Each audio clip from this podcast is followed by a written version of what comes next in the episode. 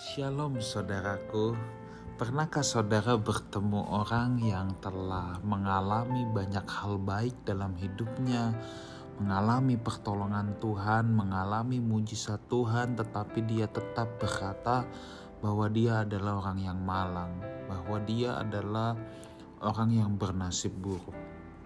Rupanya hal ini pernah dilakukan oleh bangsa Israel ketika di padang gurun Bilangan 11 ayat yang pertama berbunyi demikian. Pada suatu kali bangsa itu bersungut-sungut di hadapan Tuhan tentang ini, nasib buruk mereka.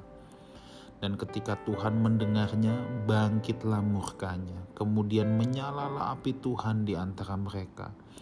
Dan merajalela di tepi tempat perkemahan. Kok bisa ya? Bangsa Israel berkata mereka bersungut-sungut tentang nasib buruk. Padahal dulu mereka jadi budak, kerja paksa, disiksa habis-habisan sama Firaun. Ya, dan Tuhan menyelamatkan mereka. Mereka menikmati mana setiap hari. Siang tidak kepanasan karena ada tiang awan, malam tidak kedinginan karena ada tiang api mereka menyaksikan sendiri, saudara, bagaimana laut dibelah Tuhan ketika um, mereka dikejar-kejar oleh tentara Mesir. Begitu banyak kebaikan Tuhan yang dia sudah rasakan, mereka sudah rasakan.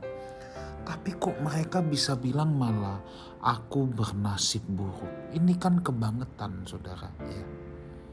Mereka seakan-akan lupa akan semua itu dan tetap merasa dirinya bernasib buruk. Ini adalah ciri-ciri orang yang selalu self pity. Dia hanya mengasihani dirinya sendiri. Dia hanya selalu uh, melihat keadaan dirinya saat ini. Orang-orang yang self pity begini yang selalu single sided ya. Dia hanya melihat dari sisinya sendiri kondisi saat ini. Ini pasti orang-orang yang egois juga dia merasa nggak perlu mikirin orang, nggak perlu mikirin yang lain, yang penting mikirin dirinya sendiri, dirinya enak atau enggak. Ya itulah orang-orang Israel. Udah begitu banyak perbuatan Tuhan, tapi tetap merasa bernasib buruk. Nah sekarang bagaimana dengan orang percaya? Bukankah Tuhan sudah begitu baik dalam hidup kita?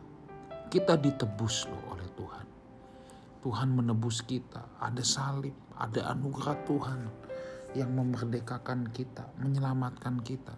Masakan kita masih mau berkata, aku malang, aku apes. Saudara yuk jadi orang Kristen yang tangguh, stop mengasihani diri sendiri. Stop selalu merasa bernasib buruk. Paulus bilang begini, kalau Kristus tidak dibangkitkan, kita adalah orang yang paling malang tapi nyatanya Kristus dibangkitkan, berarti implikasinya apa? Kita orang yang paling beruntung. Nah, saudara, orang yang bersungut-sungut merasa dirinya bernasib buruk karena dia mengukurkan dengan kondisi dagingnya saat itu, nyaman atau tidak nyaman. Ya. Ukurannya adalah hal yang terjadi di luar dirinya. Nah, sebagai Kristen, ya, keberuntungan kita itu ya Tadi saya katakan loh, karena Kristus dibangkitkan, kita adalah orang-orang yang paling beruntung. Kenapa? Sebab keberuntungan atau kemalangan kita itu tidak ditentukan oleh apa yang terjadi di luar kita. Keberuntungan kita itu berpusat pada kebangkitan Kristus. Karena Kristus bangkit, kita beruntung. Keberuntungan kita tidak pernah ditentukan oleh hal-hal yang terjadi di luar kita. Misalnya dapat undian, dapat mobil, dapat promosi. Hal-hal itu bukan sumber keberuntungan kita. Kalau orang dapat undian, dapat mobil, misalnya belanja di mall, dapat mobil, hoki lu, oh iya betul beruntung. Tapi itu bukan keberuntungan yang paling tinggi dalam hidup ini. Ternyata keberuntungan yang paling tinggi adalah kalau kita menyadari Kristus telah bangkit kebangkitan Kristus juga adalah kebangkitan kita. Itulah yang menjadikan kita orang-orang yang paling beruntung di dunia ini. Stop menjadi orang yang self pity, selalu mengasihani diri sendiri, apalagi bersungut-sungut merasa dirinya bernasib jelek.